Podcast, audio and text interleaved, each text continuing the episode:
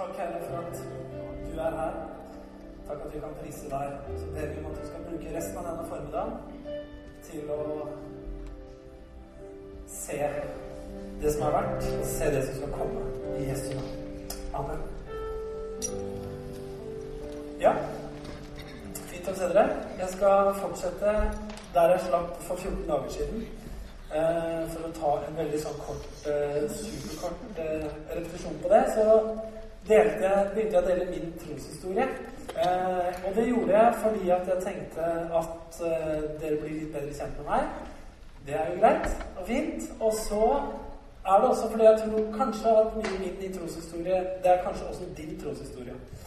Eh, og da litt også med, og med tanke på hvor er vi som Hvorfor er Bykirken litt som den er? For jeg er jo pastor her, og sammen med andre så påvirker jo hvordan vi tenker, hvordan menigheten tenker. Sånn er det jo. Og hvis du ikke liker hvordan vi tenker, så er du ikke her. Men eh, sånn er det. Jeg har kommet til 1989, og det jeg slutta med forrige gang, det var at jeg hadde det som skulle være på en måte et stort vendepunkt for meg. Når jeg etter å ha bedt en ufrimodig bønn til Gud uh, om at jeg hadde et ønske om å følge Han hvis jeg kunne oppleve sånn som det var i apostelens gjerninger cirka. Uh, og jeg møtte Gud gjennom at jeg opplevde at han ville bruke meg til å bringe en bitte liten profeti, et bitte lite budskap, i et bønnemøte i bønnekjelleren på Betania rett oppi gata her. Og når jeg gikk opp det var da jeg slutta med sist, når jeg gikk opp trappa derfra, så skjønte jeg det. At Gud hadde funnet meg. Jeg hadde ikke funnet Gud. Gud var interessert i meg mer enn jeg var interessert i han. Jeg opplevde at Gud han kom og tok meg og henta meg og ville bruke meg av bare nåde. For jeg hadde ikke vært snill gutt eh, noen år da. Så nå skal jeg holde meg litt sånn strengt til manus i dag, at eh, hvis ikke så rekker jeg ikke jeg satt meg ned og så på det her, og jeg snakka med Frode, så sa jeg at jeg tror jeg trenger én søndag til for å få landa det her. For det at 90-tallet, som jeg da går inn i, eh, og som veldig mange av dere som sitter her nå, dere var med på det tiåret eh, Det inneholdt utrolig mye. Og jeg var helt fersk i Jeg var ikke fersk i å tro på Jesus, men jeg var helt fersk i å forholde meg til teologi, eh, hva som bevegde seg i kristenheten og alt det her, hadde aldri interessert meg noe særlig. Og nå, i løpet av 90-tallet, så skulle det være utrolig mange ting som man skulle møte og sortere og på en, måte, på en eller annen måte lande. Eh, så det Jeg var omvendt, absolutt. Og Gud var interessert i meg. Året var altså 1989, og, og sånn sett i etterkant så vil jeg beskrive meg som en fersk i kristenlivet. Jeg var ung, brennende, ivrig, egoistisk, kunnskapsløst, samt med en god dose logiske, godt planta inn i ryggmargsrefleksen. Det hadde jeg virkelig med meg. Jeg hadde nylig dimittert fra førstegangstjenesten i Forsvaret, der jeg hadde jobba i skolestaben for befal, eh, befalsskolen for infanteri i Sør-Norge. Så jeg hadde, var ganske ny ut fra Forsvaret og alt som var der. Overgangen fra befalsskolemiljø med banning, pub, porno og pils til det snille og velmenende menighetsmiljøet som var rent og hellig. Det, det, var litt overgang der, altså. Jeg merka det. Eh, det skulle jo bli litt friksjoner rundt det, men det, det tiåret som kom, det skulle bringe mange opplevelser. Eh, jeg tror mye av det som vi opplevde på 90-tallet, var bra. Det var spennende.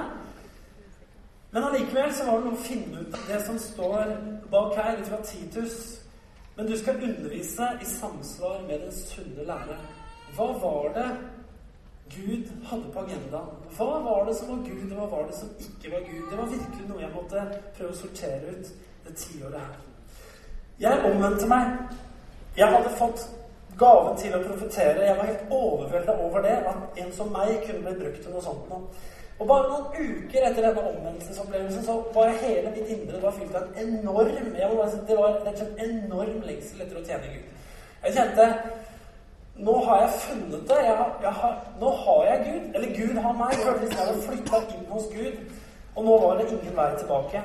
Men Gud, hva skal jeg gjøre med livet mitt? Jeg hadde en et skrik inni meg etter å få vite Gud, hva vil du med mitt liv? Jeg var Gud klar for hva som helst. Ved oppvaskbenken hjemme hos mine foreldre Jeg bodde hjemme. Jeg hadde akkurat kommet, uh, kommet uh, ut av, Forsvaret og bodde hjemme. Og gjorde oppvasken, som jeg hadde en dag i uka. Så opplevde jeg at Gud kom til meg og talte krystallklart. Magnar, du skal gå inn i faste. En uke. Jeg hadde aldri fasta før. En ukes faste. Jeg syns det hørtes veldig spennende ut. Jeg tenkte det er sånn som de store gutta gjør. De faster, og de faster lenge. Og jeg tenkte at dette er greia. Og jeg fikk for meg seks andre navn, folk jeg skulle ta med meg i den fasten. Eh, Frode var en av de, faktisk. Han var 14 år eller noe sånt. liksom. 12 år. Han er litt yngre enn meg. Han var, eh, midt i tenåra. Eh, og jeg tok en runde til de folka her og sa Vet du hva? Gud har talt til meg om at du skal bli med meg inn i faste. Og vi skal oppleve å få kall av Gud, og himmelen skal åpne seg. Jeg hadde voldsomme forventninger. Og alle var helt med på det. Alle de jeg snakka med, de var helt med på ja, vi skal være med og faste. Og det bestemte vi oss for å gjøre. Eh, jeg tror det var i mars ca. Vi skulle begynne med det. Og vi begynte å forberede oss til fasen, og det satte veldig med at vi måtte forberede oss til fasen. Jeg leste bøker om bønn og faste jeg fikk av bestefaren min osv. Og, så videre, og lærte meg litt om å trappe ned på kosthold og det ene og det andre. Og så begynte vi å forberede oss til fasen, Og det var litt spennende. Vi samles eh, en gang i uka til bønn. Og vi bekjente synder, og vi omvendte oss, og vi gjorde oss klar til å møte Gud. Det var rett og slett det vi gjorde i tre-fire uker. Eh, og så gikk vi inn i faste. Og det var jo spennende. Du mista noen buksestørrelser og sånn. Og det var en spennende erfaring. Vi ba, vi hadde fellesskap, og vi hadde det egentlig veldig fint. Siste natta skulle vi ha bønnenatt hele natta.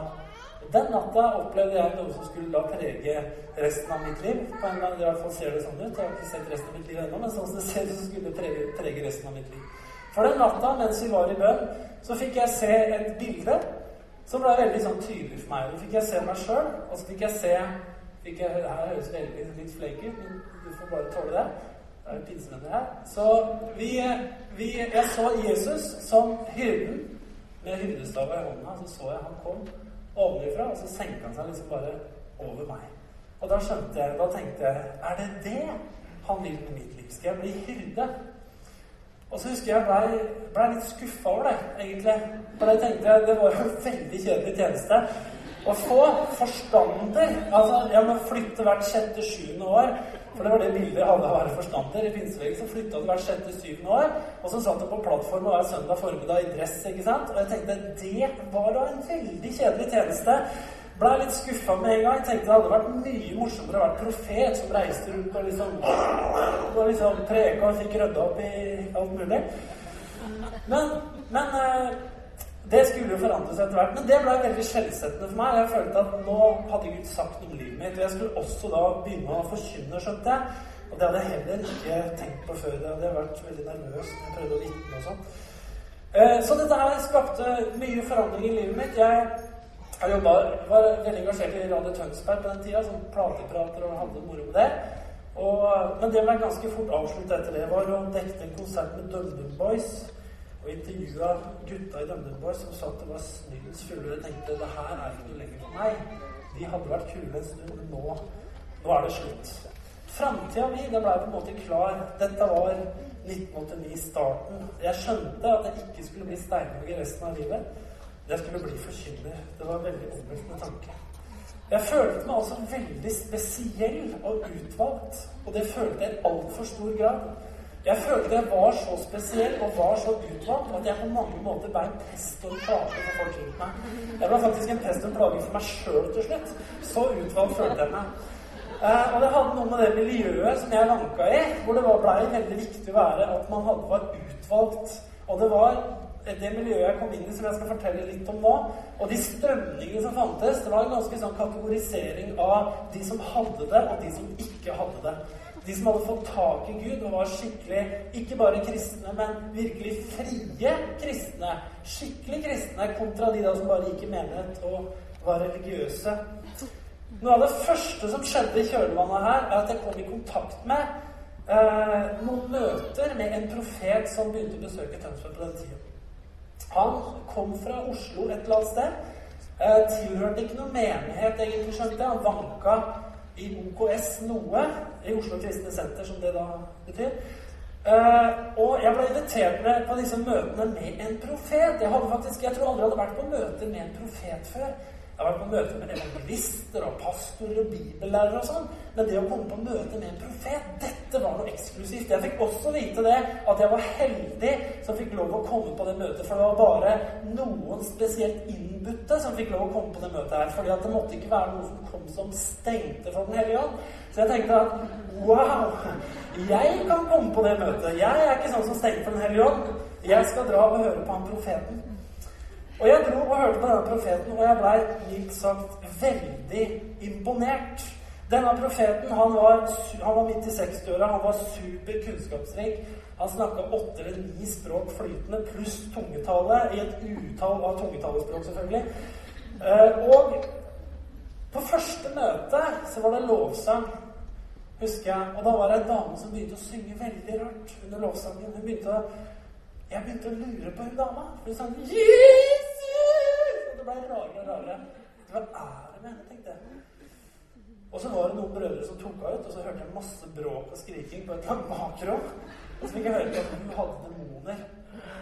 Wow, tenkte jeg. Det har jeg aldri opplevd på møte før. At noe sånt skjer. Jeg ble kjempeimponert. tenkte jeg, Hvis det, her er Guds kraft, tenkte jeg. Punktum. This is it. Jeg tenkte at dette dette har jeg aldri opplevd i vanlige menigheter. Dette er noe annet. Jeg var som en svamp. Jeg ville bare suge til meg. Og jeg var imponert. Det var snakk om profetier. Det var snakk om himmelferder. Å reise til himmelen sånn som Paulus reiste til himmelen. Å besøke og snakke med Jesus sjøl i himmelen. Robert Learden hadde en forkynner som sikkert mange av dere husker, som var på Livets ord en del. Han hadde skrevet en bok 'Jeg var i himmelen', hvor han fortalte at han hadde vært i himmelen, og der var det egne rom med reservedeler til kropp Der hang det armer og bein og fingre og tær jeg vet ikke hva det som hang i det rommet, som, som bare kunne hente ut i bønn. Og så videre. Og jeg tenkte at wow, dette er liksom et annet nivå. Paulus var jo faktisk i himmelen. Hvorfor ikke også jeg? Jeg lengta veldig etter å komme til himmelen, for flere jeg var sammen med, som sa de hadde vært der. De var der stadig vekk, faktisk. Denne profeten han var ofte i himmelen og møtte Jesus og tenkte dette er jo helt fantastisk. Er det mulig? Som sagt, jeg var nyomvendt. Jeg opplevde også at det fantes en anklage mot den etablerte menigheten. Disse vanlige menighetene, der er ikke Gud lenger. Nærmest var inntrykket jeg fikk. Jeg hadde aldri hørt noen pastor, forkynner, evangelister i Bibelen som stadig var i himmelen, og det imponerte meg veldig at noen ofte var der. Tida, den var litt betent innenfor kristendommen når vi går inn i 1990-tallet. Trosbevegelsen hadde kommet fra midten av 80-tallet. Den hadde vokst seg ganske stor, bl.a. med en forkynnelse som gikk ut på at det er en ny tid. Det er en ny tid, ble det ganske tydelig forkynt. Det ble forkynt at nå er det snakk om ny vin i nye skinnsekker. Det betyr de gamle menighetenes tid er forbi. Nå må det nye menigheter til som kan ta imot det Gud vil gjøre i dag. Jeg skjønte ut av dette budskapet at de gamle menighetenes tid er faktisk forbi. De gamle lederskapets tid er forbi. Nå er det det nye som kommer. Og det nye i denne sammen, i dette, på dette tidspunktet, det var trosbevegelsen. Det var trosmenighetene. Representert i Norge først og fremst ved Oslo Kristne Senter, og i Sverige ved Livets Ord Uppsala. Og så fantes det en global bevegelse rundt det her. Det var sånn jeg skjønte det. Og nå skjønner at alt jeg sier, er mine subjektive opplevelser den gangen her.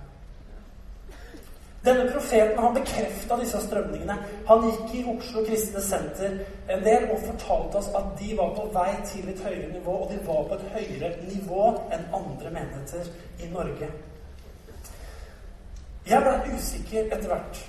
Jeg ble veldig usikker. Var dette Gud? Det hørtes liksom så fantastisk ut å være i himmelen stadig vekk. Eller som han ga beskjed om noen ganger Jeg så deg i går. Jeg var i rommet når du ba. Tenk, han var i rommet jeg var. Ja, han hadde vært der i ånden. Han hadde sett meg.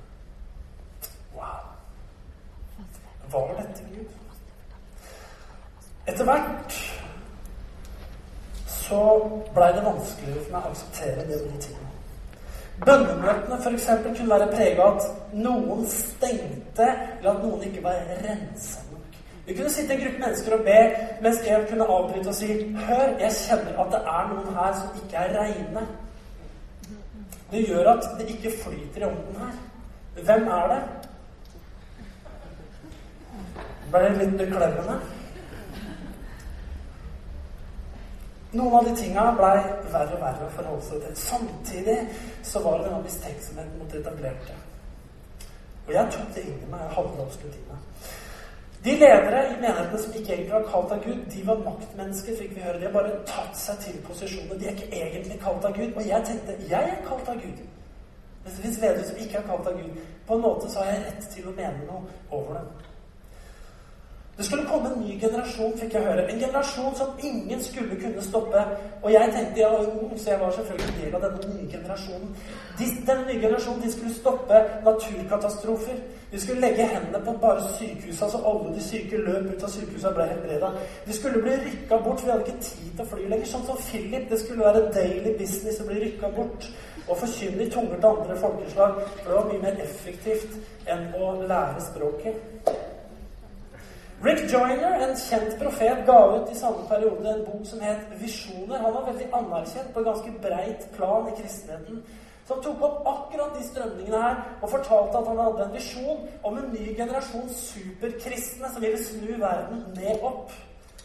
Jeg skulle senere gjenkjenne samme tanker og strømninger komme via Toronto og The Lakeland Outpouring i Florida 2009 med Todd Bentley og profeten Bob Jones, som du kan se på God TV den dag i dag.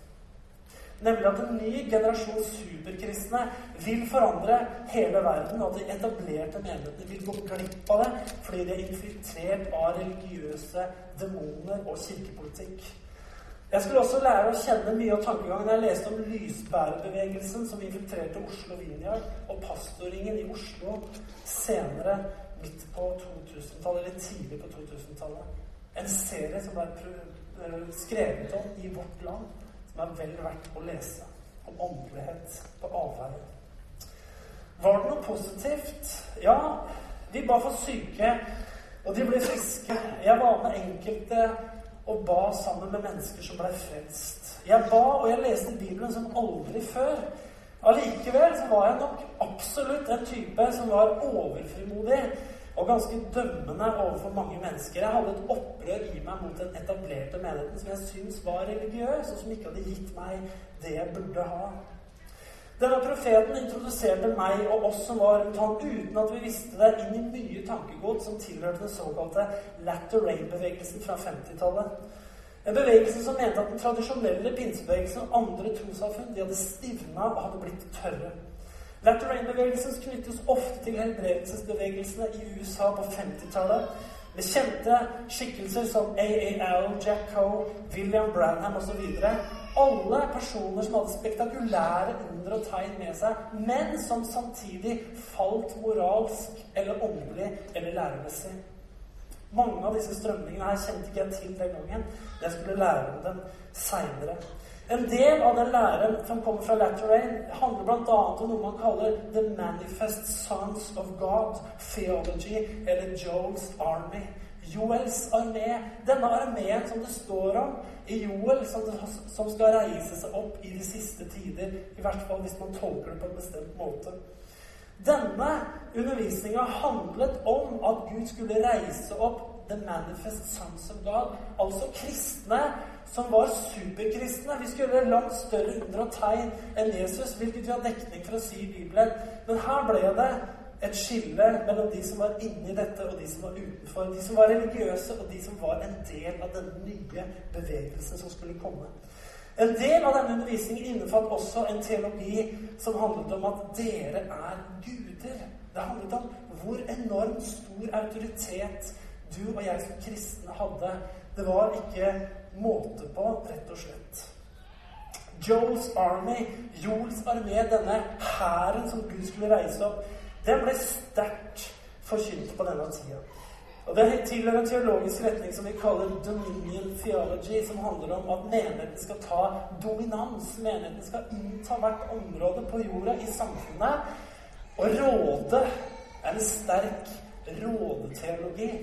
Og det handler om at vi skal overta det hele. Og mange av sangene som jeg senere skulle kjenne på livets ord, var prega av den teologien. Det var lovsanger vi sang som var proklamasjoner som var 'Vi skal ta det, vi skal ta det, vi skal ta det'. Ja, vi skal ta det. Det handlet mye om hva vi skulle ta. Vi skulle innta. Vi skulle krige. Alt dette her førte til i mitt liv at jeg ble en selvopptatt kristen som satte meg sjøl over andre kristne. Særlig andre fra andre trossamfunn. Som ikke hadde det som Gud gjorde nå. Noen år seinere skulle jeg komme over boka skrevet av Jesse Penn Lewis og Evan Roberts. Evan Roberts-navnet kjenner dere. Evan Roberts var den utløsende forkynneren for den store vekkelsen i Wales. En vekkelse som var så genuin og så sterk at hele Wales ble gjennomsyra. Gruvearbeiderne slutta å banne, få hestene slutta å gå. Pubene ble tømt, fengslene ble tømt, og det var en gjennomgripende vekkelse i Wales. I etterkant av vekkelsen i Wales, som ble en kort vekkelse, så skjedde det mange ting som hadde med åndens manifestasjoner osv. å gjøre. Og Penn Lewis, en forfatter, sammen med Evan Roberts, som var banebrytende predikant i den bevegelsen, skrev en bok som het 'War on Saints', hvor de beskrev dette som har ødelagt den genuine vekkelsen, nemlig en forførisk åndelighet som har tatt folk vekk fra Kristus og til noe annet. I denne boka, som er skrevet på begynnelsen av 1900-tallet, så skriver Evan Roberts kjennetegnet på bedragersk åndelighet med følgende eksempler. Jeg leser det på engelsk, for jeg er rett fra boka. Some of the suggestions made to the believer by deceiving spirit at this time may be such as You are a special instrument of God. Eller Og det er bare med ditt eget, sier You are more advanced than others, working to blind the soul's sober knowledge of itself. You are different from others, working to make him think he needs special dealings with God. Nummer fire you must make a separate path. Altså, du må gå en egen vei. Uh, as a suggestion made to feed the independent spirit, altså det å leve uavhengig av det etablerte. Fem, you must give up your occupation, altså ditt yrke, and live by faith. Aiming and causing the believer to launch out a false guidance, which may result in the ruin of home and sometimes the work of God in which he is engaged. Dette skrev Evan Robert på begynnelsen av 1900-tallet, og jeg begynte å kjenne igjen ah, det her er mye av det som jeg har vært oppi. Jeg føler meg spesiell, jeg føler meg mer utvalgt enn andre. Jeg tenker jeg har et større kall enn andre. At vi er noen eksklusive her som har fått tak i det. Jeg måtte ta et oppgjør med det og skjønte at nå er det på tide å snu kursen. Jeg dro i 1990. Så reiste jeg for første gang til Livets Ord. Etter, og jeg hadde fått på plass dette med menighet. Det var en som startet med en kassettserie med Åge Åleskjær som handla om Guds ordninger. Hvor han la ut fra Skriften at det å tilhøre en lokal forsamling, det er sunt. Det å underordne seg et lederskap som er innsatt der, det er sunt. Sjøl om du ikke alltid er enig med det. Jeg hørte kassettserien noen ganger. Seks kassetter. Det var lenge jeg hørte kassettserie.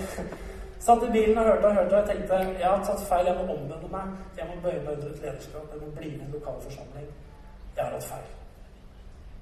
Jeg ble aktiv i Betania igjen. Og 1990, sommeren ett år etter et vanvittig år, egentlig, så reiste jeg til Livets Ord på Europakonferanse.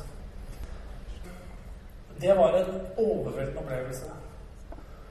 Det var en pinsedens våte drøm, egentlig. Du kommer inn i et lokal med 5000 mennesker. Og fra første øyeblikk hvor låsene starter, så synger alle for full hals. Alle har hendene i været. Alle gir jernet. Alle taler i tunger. Og det var liksom det bare man hadde drømt om som pinsevenn, egentlig. Det ble kanskje litt overveldende for meg. Det var litt voldsomt. Og eh, samtidig helt fantastisk. Mye av forkynnelsen jeg fikk høre der i løpet av konferansen, satte meg ganske fri fra alle de tingene som jeg hadde vært influert av i det intense året som hadde vært. Jeg, lov, jeg hadde lyst til å gå på bibelskole. Og selvfølgelig var det den store drømmen på den tida var jo å gå da hos Kenneth Haugen. Rema, Tulsa, Oklahoma. Men eh, det skulle bli med at jeg kom på Livets. Eh, her var alt all pinsevensk reservasjon den var hivd langt av gårde. Eh, og det var, alt var høyt og drømmende. Lovsangen, forkynnelsen, hallelujaropene, forbønnskøene, møtekøene. Alt ble og var full guffe. Jeg fikk forløsning av lovsang, for det er en. Jeg hadde ikke hørt på musikk etter at jeg blei omvendt. Eh, jeg hadde jo vært synter. Jeg hadde elska etter hvert gitarbasert undergrunnsrock. Nå skjønte jeg ikke kunne høre på noe av det, syns jeg. Og lovsang syns jeg var forferdelig dårlig og kjedelig. Men på Livets Ord så løsna det. Jeg opplevde lovsang. Og jeg trengte den der drømmende lovsangen. Og jeg opplevde at det var herlig å prise Gud. Det har jeg hatt glede av siden. På Livets Ord så, så, var det noe som jeg skjønte var veldig viktig, og det var å være fri. Å være fri. Det jeg oppdaga, det var et begrep som på Livets Ord var veldig viktig, uten at jeg til tider skjønte helt hva de mente. Noen kom og spurte meg på første konferansen om jeg var fri. Og jeg sa at vi var jo alle frie i Kristus, men jeg oppdaga straks at det ikke var et tilfredsstillende svar. Frihet på Livets Ord handla om noe mer enn teologisk begrunna svar. Eh, det handla om å være fri til å danse, fri til å rope, fri til å forkynne, og ikke minst at man var helt fri fra eventuelle demoner som man kunne ha uten at man helt visste om det. Eh, jeg skjønte at man skulle man bli virkelig fri, så hjalp det ikke bare å gå til Guds sønn. Man burde sannsynligvis også dra til Livets ord for å være på den sikre sida. Eh, resultatet av det var at jeg da året etterpå tenkte at jeg må begynne på bibelskole. Én for å lære, to for å være sikker på at jeg er helt fri. Det gjorde jeg. Jeg begynte i 1991. Vi var ca. 650 elever i klassen min. Og hvis det var andreklasser òg, så det var ca. 1100 bibelskoleelever på én gang. Det var en ganske stor bibelskole, kan du si. Jeg veit ikke om det har i historien i Skandinavia vært større kull på noen bibelskole enn det var de åra der på Livsord. Alt var stort på Livets ord, merka jeg. Skiltet på utsida var stort, menighetsbygget var stort, bokshoppen var stor, kafeen var stor, lydvolumet var stort, lederskapet var stort, og ordene var store. Alt var stort på Livets ord, egentlig. Og det var også internasjonalt. Etter å ha bodd sammen med Atle og Klas, et par rolige skandinaver de første månedene, så flytta jeg inn i en leilighet leid av en bergenser som mange av dere kanskje kjenner, Sigbjørn Vindheim. Eh, vi hadde 95 kvadratmeter, og der bodde jeg sammen med en østtysker, en vesttysker, en svenske, en familie på tre fra Bangladesh og en bergenser. Samkvemmet, det var veldig interessant og lærerikt og morsomt. Eh, Martin Schmidt, vesttyskeren, han ønsket å være helt fri når det gjaldt bønn, og det kan illustrere litt av den lydigheten vi hadde til alt som ble forkynt. Vi ble, man, man, måtte være fri. Skulle man være fri bønn, så måtte man rope. Det var liksom ikke snakk om å rope inni deg. Rop ut noe jeg for øvrig syns er fortsatt veldig bra. At man kan gjøre det med. Martin Schmidt, min kjære vesttyske venn, han skulle være helt fri og uten kompromiss i sitt eget bønneliv. Det var for øvrig noe som var viktig på livets ord. Det var å være kompromissløs. Så han ba på sitt eget soverom i blokka der vi bodde, med åpent vindu så høyt han kunne i tunger. Og vi husker, både jeg og min kjære bergenservenn, denne svenske tante som sto ute på gata med sine handleposer og kikka opp og lurte hva slags lyd det var som gjalla mellom blokkene der. Men Martin Schmidt han ga ikke inn. Han holdt fast på bønnen sin, og det ble kjempebra, syns han sjøl i hvert fall. Det var en interessant tid hvem som vi hadde vært hos skap på kjøkkenet, og hvem som til enhver tid hadde nok mat i skapet sitt, var den som hadde mest tro på den tida. Noen hadde tomme skap, noen hadde fulle skap. Vi sto i tro for det meste i grunn. De mest banale ting sto vi i tro for, altså. Men det var mange nye begreper og ord jeg i grunnen aldri hadde hørt var spesielt viktige i min menneskeoppvekst, som jeg plutselig skjønte var veldig viktige. På livets ord var det nye ord som autoritet, oppror vi befaller strid, kritikkens ande og et forholdsvis sterkt fokus på djevelen og hans demoner. Jeg var for øvrig elev på det siste året hvor det var praksis å ha med seg ha bøtter stående klare på befrielsesskolen, sånn at folk kunne kaste opp oppi dem når de ble befridd fra onde ånder. Det var siste året. De slutta med det året etterpå. Vi lurte på hvorfor de hadde slutta med det. I seinere tid så har jeg forstått hvorfor. Det skulle bli to år på bibelskole, og der jeg lærte meg veldig mye fra Guds Det var mange kompetente og kunnskapsrike lærere. Eh, det var stort sett et veldig positivt elevmiljø, med noen få unntak. Det skal noe til når det er 1100 elever. Eh, jeg jobba ikke. Jeg reiste hjem i feriene og jobba for å få litt inntekt og prøvde å overleve mellom jobbøktene. Jeg tilbrakte to til tre timer i bønn hver eneste dag og tre til fire timer om dagen i Bibelen, enten i bibeltimer eller i bibelstudier. Det meste gikk til bønn, bibel eh, og møter. Hvis jeg skal summere tida litt på Livets ord, så kan jeg gjøre det på godt og på vondt. Det gode var at jeg personlig fikk en veldig grunnfesting i dette med rettferdiggjørelse ved tro. Eh, at Gud hadde frelst oss uavhengig av våre egne gjerninger. Gjennomgangen av romerbrevet ble en veldig øyeåpner for meg. Jeg fikk masse bibelkunnskap, jeg fikk masse oversikt, og Bibelen hadde selvfølgelig en veldig høy prioritet på bibelskolen. Jeg fikk utvida perspektiver. Det var mange interessante gjestelærere, seminarholdere osv. Noe var bra, noe ikke var, var ikke fullt så bra, men jeg lærte av det uansett. Jeg fikk se at alt er mulig i en menighet der lederskap får lov å være lederskap, og ikke lett påvirkelige nikkedukker som hele tiden snur kappen etter vinden blant menighetsmedlemmene. Jeg fikk se at en menighet i enhet kan flytte på ting. Jeg fikk også se at ett menneske overgitt til Gud kan gjøre en stor forskjell. Jeg gikk og funderte på det når jeg var nattvakt på Livets Ord, for det var en del som ønska å gjøre gærne ting der, som var nattvakter. Jeg gikk rundt i bygget om natta aleine som vakt. Jeg gikk inn i den store salen jeg gikk og tenkte Tenk det, tenkte jeg. At hele dette bygget, alle disse bibelskoleelevene som går her, alle disse tusen av menneskene, den grunnskolen på andre av gata Tenk at alt det, det er her fordi at én fyr har vært lydig mot Gud. Ulf Ekman. Ja, han har ikke gjort det aleine, men han, hadde ikke han vært det han var og gjort det han gjorde, så tenkte jeg da hadde ikke noe av det stått her. Og Det var ganske fascinerende tanke. Jeg husker jeg gikk opp på talerstolen i den store salen med plass til 5000 mennesker og kjente litt på følelsen. Det var sånn tre om natta. Ingen kunne se meg. Jeg tenkte wow. One day.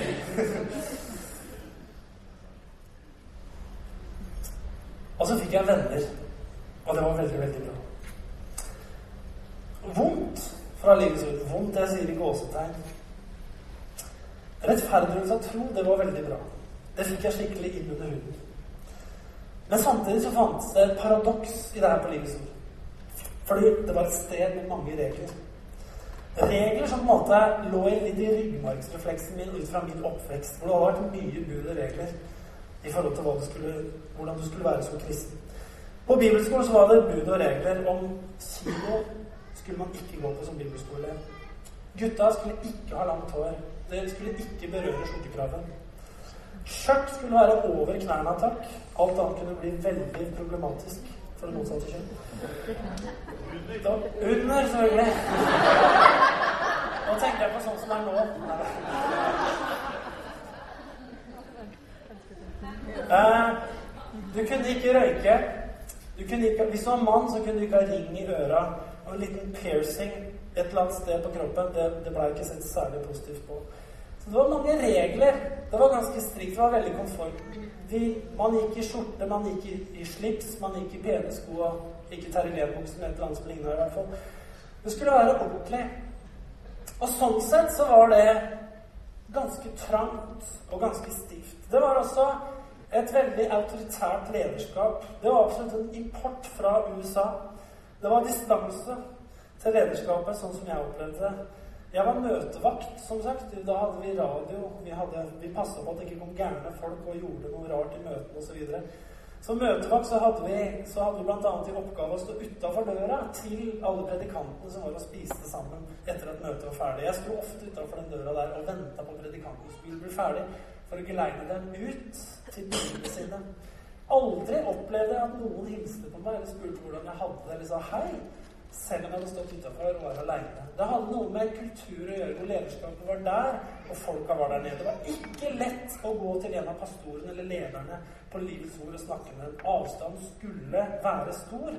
Og jeg tror de hadde tatt med seg noe av det fra USA. For Ulf Ekman fortalte en gang første gang han dro til Tulsa, Rema, hen Kenneth Hagen, så trodde han og kameraten at de kunne bare gå bort til resepsjonen og si Hei, vi kommer fra Sverige. Vi har lyst til å treffe Kenneth Hagen. Kan vi få snakke med ham? Og fikk beskjed om at her er det ingen som snakker med til Kenneth Hagen. Dere kan bare, bare glemme det.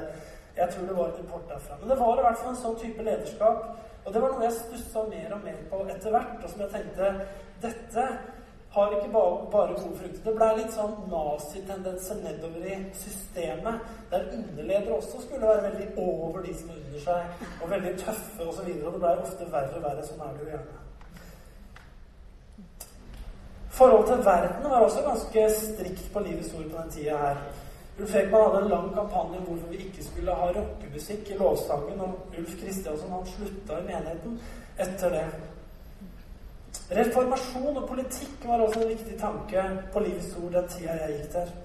Noe jeg ser på i ettertid som en uryddig sammenblanding av politikk og evangelium. Det var abortmarsjer, det var politiske føringer i gudstjenester, og sosialisterne, sosserne, fikk så det føyk fra talerstolen. Det var absolutt ikke en menighet hvor det kunne være rom for mennesker av ulike politiske oppfatninger. Forholdet til andre trossamfunn var også annerledes på Livets Ord den gangen enn det var i dag. Ulf Ekman sa noen sier de skal bygge broer. Jeg sier jeg skal rive dem! skal jeg skreke ut. Jeg tenkte wow. Det er fordi at han er med i det som Gud gjør nå. Mens det andre, det er ikke noe å samle på. Jeg forstår bakgrunnen til gutta på Livets Ord. De hadde bakgrunn fra Svenska kyrka. De hadde forlatt den ganske dramatisk. Fått utrolig mye hunsing, fått utrolig mange skudd i ryggen. Og hadde brutt broene til det de kommer fra. Bare for å skyte inn, det ser veldig annerledes ut der i dag. Nå har hun bygd en bro helt tilbake til Roma.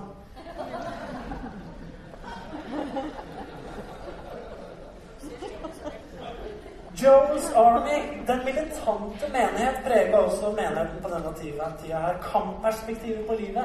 Åndelig krigføring. Man drev mye åndelig krigføring og tenkte at åndelig krigføring det er den nøkkelen menigheten ikke før har sett. Jeg var med på masse åndelig krigføring. De gikk bl.a. ut på å rive ned makter og myndigheter og fyrster som var over steder, over byer, eller som gjorde ting. F.eks. fyrsten over islam, eller du fyrste over Uppsala osv. Jeg husker at vi hver søndag omtrent ba at fyrsten over Uppsala måtte komme ned.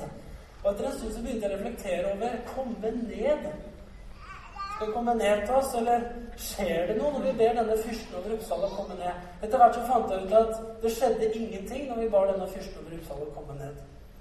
Jeg fant faktisk ut etter hvert når jeg studerte bønder, Jesu bønneliv et par år seinere, at Jesus aldri talte til makter og myndigheter. Noensinne. Ingen av apostlene talte noen ganger til makter og myndigheter. De ba til Gud i Jesu navn. De talte noen ganger til onde ånder som plaga mennesker. Men jeg så aldri i Bibelen at noen talte til makter og myndigheter. Det brukte vi mye tid på å gjøre på Livets Ord i bønnemøter. Og jeg ser på det som bortkasta bønnetimer i ettertid. Det var benektelses- og, og en bekjennelses- og fornektelsesteologi som også kom fra USA. Det kalles for 'name it and claim it'. Det du vil ha, du må si det. Du er ikke syk. Du er allerede helbredet. Du må bare tro det. Du må bare ta det ut i Jesu navn. Du er ikke fattig. Du må bare bekjenne at du er rik, så er du rik. Da vil det komme til deg. Du er ikke lei deg. Du er alltid glad. Du har en glede i din ånd. Du må bare bekjenne det. Du må bare tro det. Du må bare stå på det. Du må bare innta det. Så kommer du til å ha det. Det var ulik vektlegging i forhold til denne forkynnelsen fra de forskjellige forkynnerne. Men det hadde utgangspunkt i den forkynnelsen kom fra Kenneth Heng, nemlig at du er en ånd, du har en sjel som bor i en kropp. Noe jeg ikke tror er et bibelsk menneskesyn. Vi er mennesker. Mennesket er ånd, sjel og kropp. Men i utgangspunktet i denne teologien så fantes det noe inni her, og så fantes det noe utapå der som man skulle forholde seg til. Det gjorde at det ble en teologi som prega det miljøet hvor det alltid gjaldt å finne årsaken til at ikke ting var akkurat som det skulle være. Hvis noen var syke, så måtte det jo være en feil et sted. Altså, hvor lå feilen? Har du ikke bekjent nok? Har du ikke trodd nok? Eh, hva er problemet egentlig? Noen på en måte blir plassert i forhold til feil. Det var mye som prega den tida som skulle forandre seg. Vekkelsen er på vei, og vi skal ta det. Jeg skal prøve å være litt rask. Jeg ser at Det fantes en stor vekkelsesforventning i trosmiljøet. Det fantes en stor vekkelsesforventning i meg. Vi ble stadig forsikra om at vekkelsen var rett rundt hjørnet. Profeter som Roger Larsson fra Frelsesarmeen og andre som var innom, profesterte stadig og fortalte om syner, om både livets ord og kommende vekkelse. Vi skjønte at vi var akkurat der vi skulle være på denne kloden, på livets ord. Det var der det kom til å skje ut ifra, nærmest. Og siden vi nå, i motsetning til tidligere generasjoner, hadde lært oss åndelig krigføring, så hadde vi på mange måter oppdaga the missing link at vekkelsen skulle bryte gjennom, nemlig at man måtte bare få binde opp alle onde ånder og fyrster og makter og myndigheter osv. Var tross alt dem vi hadde kamp imot. Som sagt, jeg vet ikke hvor mange timer jeg brukte i bønn over det her. Det var, var på, en måte, på en måte lettere å binde en terrorånd over Palestina og avsette konger og regjeringer og presidenter fra bønnemøtet i Uppsala enn å dra dit og gjøre noe. Vi var ofte hese etter de sterke bønnemøtene noe vi spøkte og hadde det ganske gøy med om vi ikke hadde blodsmak i munnen etter bønnemøtet, så hadde det ikke blitt skikkelig. Jeg husker en vindmøllemann som begynte på bibelskolen, som sto bak meg. Jeg kjente det blafra i håret. Han var så ivrig, og armene gikk hele tida. Så voldsomt. Jeg tenker Det er den mest ivrige eleven jeg har sett noensinne. I tillegg hadde han kamuflasjebukse for å understreke at han var med i den militante menigheten. Jeg husker han veldig godt. Det gikk noen uker, så skjønte jeg at mannen hadde store psykiske problemer og ble faktisk lagt inn på psykiatrisk. Til å begynne med tenkte jeg det var sterkt, men jeg skjønte at her var det noe jeg måtte klarere ut litt.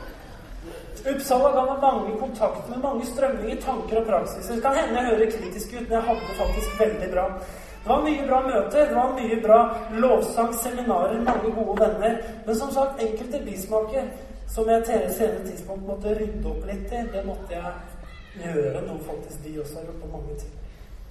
En refleksjon ble også hvordan folk som falt fra, falt så veldig ifra i det miljøet der. De som forlot miljøet for en annen setting, de så ut til å sprekke veldig lett i troen. Jeg tror det hadde med at det var så strengt regime på hva det ville si å være en skikkelig brennende sterk kristen.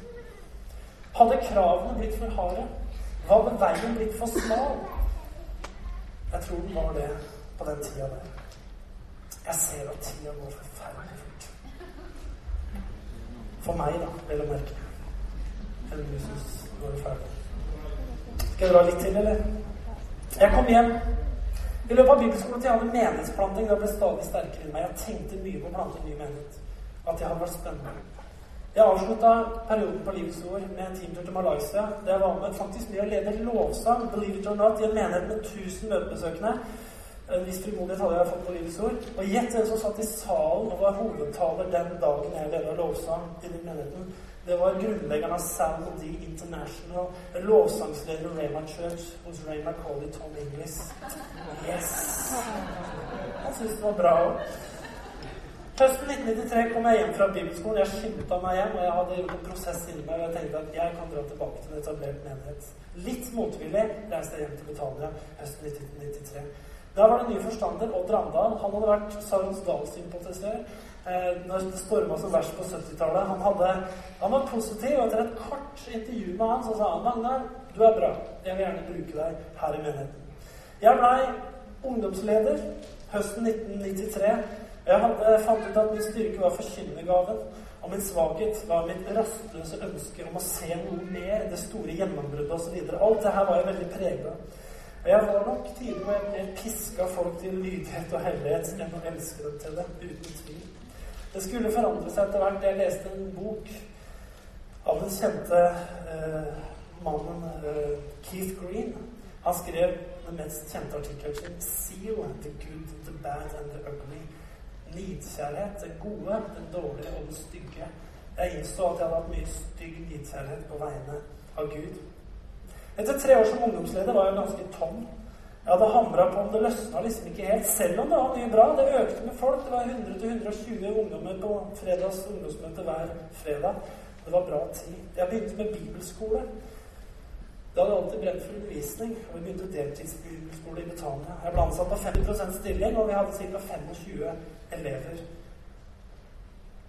Jeg skal gå litt fort på det. Så traff det oss de nye bølgene på 90-tallet. Toronto med latter og Pensacola med brennende omvendelsesforkynnelse målbåret av evangelist Stephen Hill. Disse bølgene slo også sterkt i norsk kristenhet, inkludert i pinsebevegelsen, så det ble raskt konsensus at dette nå var det som Gud gjorde. En tankegang vi hadde blitt veldig vant til å høre. Dette var altså noe man ikke måtte gå glipp av. Man skulle være med Guds plan for vekkelse i de siste tider. Det ble understreket av pastoren at pastoren i Brownsville Assembly som God John Kilpatrick advarte en av vekkelsens sterkeste kritikere. Han het Hank Hannigraff og skrev bøkene 'Christianity in Crisis' og 'Counterfeit Revival', som betyr falsk vekkelse. Han kritiserte disse vekkelsene.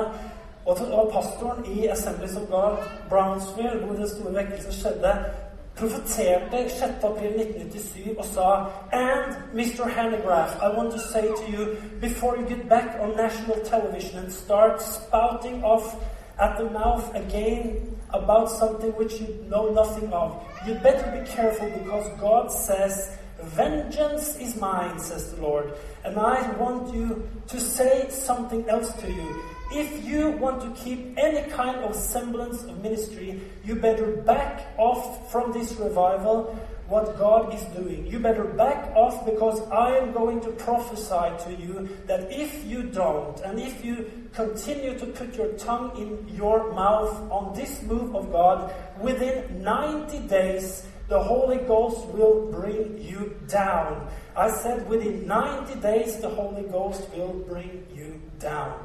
Dette profeterte John Kilpatrick over denne kritikeren, som da satte seg rolig tilbake, venta i 90 dager. Det skjedde ingenting. Han døde ikke, han ble ikke brought down på noe vis. Men det var også dette her. Hvis du står imot dette, så er du utenfor Guds plan.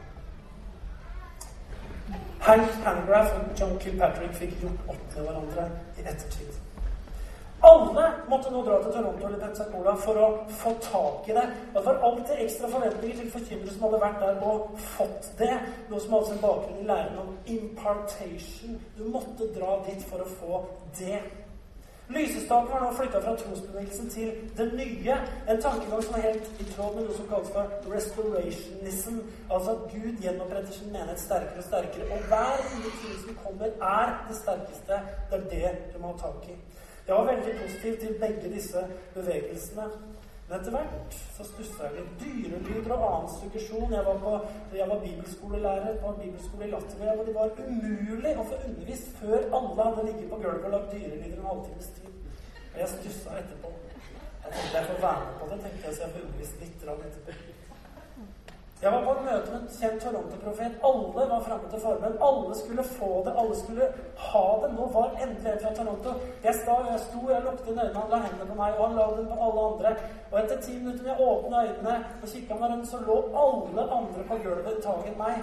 Jeg tenkte Wow, her gjorde jeg noe dumt, tenkte jeg. Men uh, jeg var litt fornøyd allikevel. Jeg skal avslutte. Jeg ble etter hvert ganske trøtt på vekkelsesforventninger og merka sakte, men sikkert at jeg begynte å distansere meg fra en del som en eller annen fyr kalte for kar å være karismanisk. De samme menneskene reiste til det sterkeste hele tiden, men ble aldri egentlig forandra. Jeg var tolv på en del møter. Jeg var på et møte hvor noen fikk litt gullstøv på fingrene, sa de, og forsamlingen var i ekstase over dette gullstøvet. Jeg oppdaga og kjente det ble feil for meg at folk var mer begeistra for gullstøv og olje enn de var for Jesus. Jeg jobba med gullstøv hver dag. til lei. Jeg jobba som steinmaker og jeg la bladgull i skrift hver eneste dag. Jeg hadde gullstøv på hendene hver dag av helt naturlige årsaker. Jeg tenkte bestillelse. Hvis jeg er slem nå, så tar jeg med litt gullstøv i lommen min og gjør sånn jeg preker. Jeg er sikker på folk kan gå på hengslene. Garantert. Folk har sikkert reist fra mange land hvis jeg hadde drevet med den gjorde For meg så er det et tankekors. Hva er det vi løper etter? Hva er det vi er opptatt av? Hva er menighet? Og så videre. Jeg ble trøtt av det. Gjennom rektortida på bibelskolen hadde jeg sagt sikkert blitt mye mer opptatt av åndens frukt enn åndens gaver. At det skjedde et skifte inni meg som gikk på at det handla mer om å elske mennesker enn å elske vekkelse. Vekkelsesjag kan bli en tomhet og en trøtthet. Det blir aldri bra nok. Det er alltid i morgen. Vekkelsen er på vei over vårt land. Jeg blei så lei av å stenge den sammen til slutt. Når kan vi begynne å leve nå? Jeg fikk faktisk litt lengsel til statskirken. Tenk bare at en sånn menighet kunne kommet og praktisert troa vi har gått igjen. Uten å bli pesa hver eneste søndag. Det kommer noe som er så sterkt, altså. Jeg ble utfordra av Willow Creek,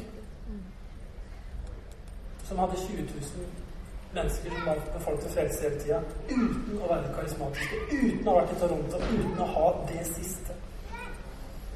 Jeg hadde besøk av en pastor som het Steve Kelly. Han var pastor i Hillsong Church på slutten av 90-tallet, før de var noe særlig kjent. Jeg spurte hvordan forholder dere dere til Toronto. Han sa vi forholder oss ikke til Toronto, de har vår greie. Jeg tenkte, Går det an å si de har vår greie? Et paradigmeskifte var på vei. Jeg var på vei inn i 2000-tallet. Vi skulle plante menighet. Vi ønska å gjøre noe nytt. Og det skulle bli en reise med mye positivt. Og det skulle slett ikke bli greit. Det er mye vi kunne diskutert her. Men det var 90-tallet. Neste gang skal jeg ta litt om 2000-tallet, så skal jeg ta litt om hva jeg tenker hvor vi er i dag. Jeg rekker ikke mer. Amen.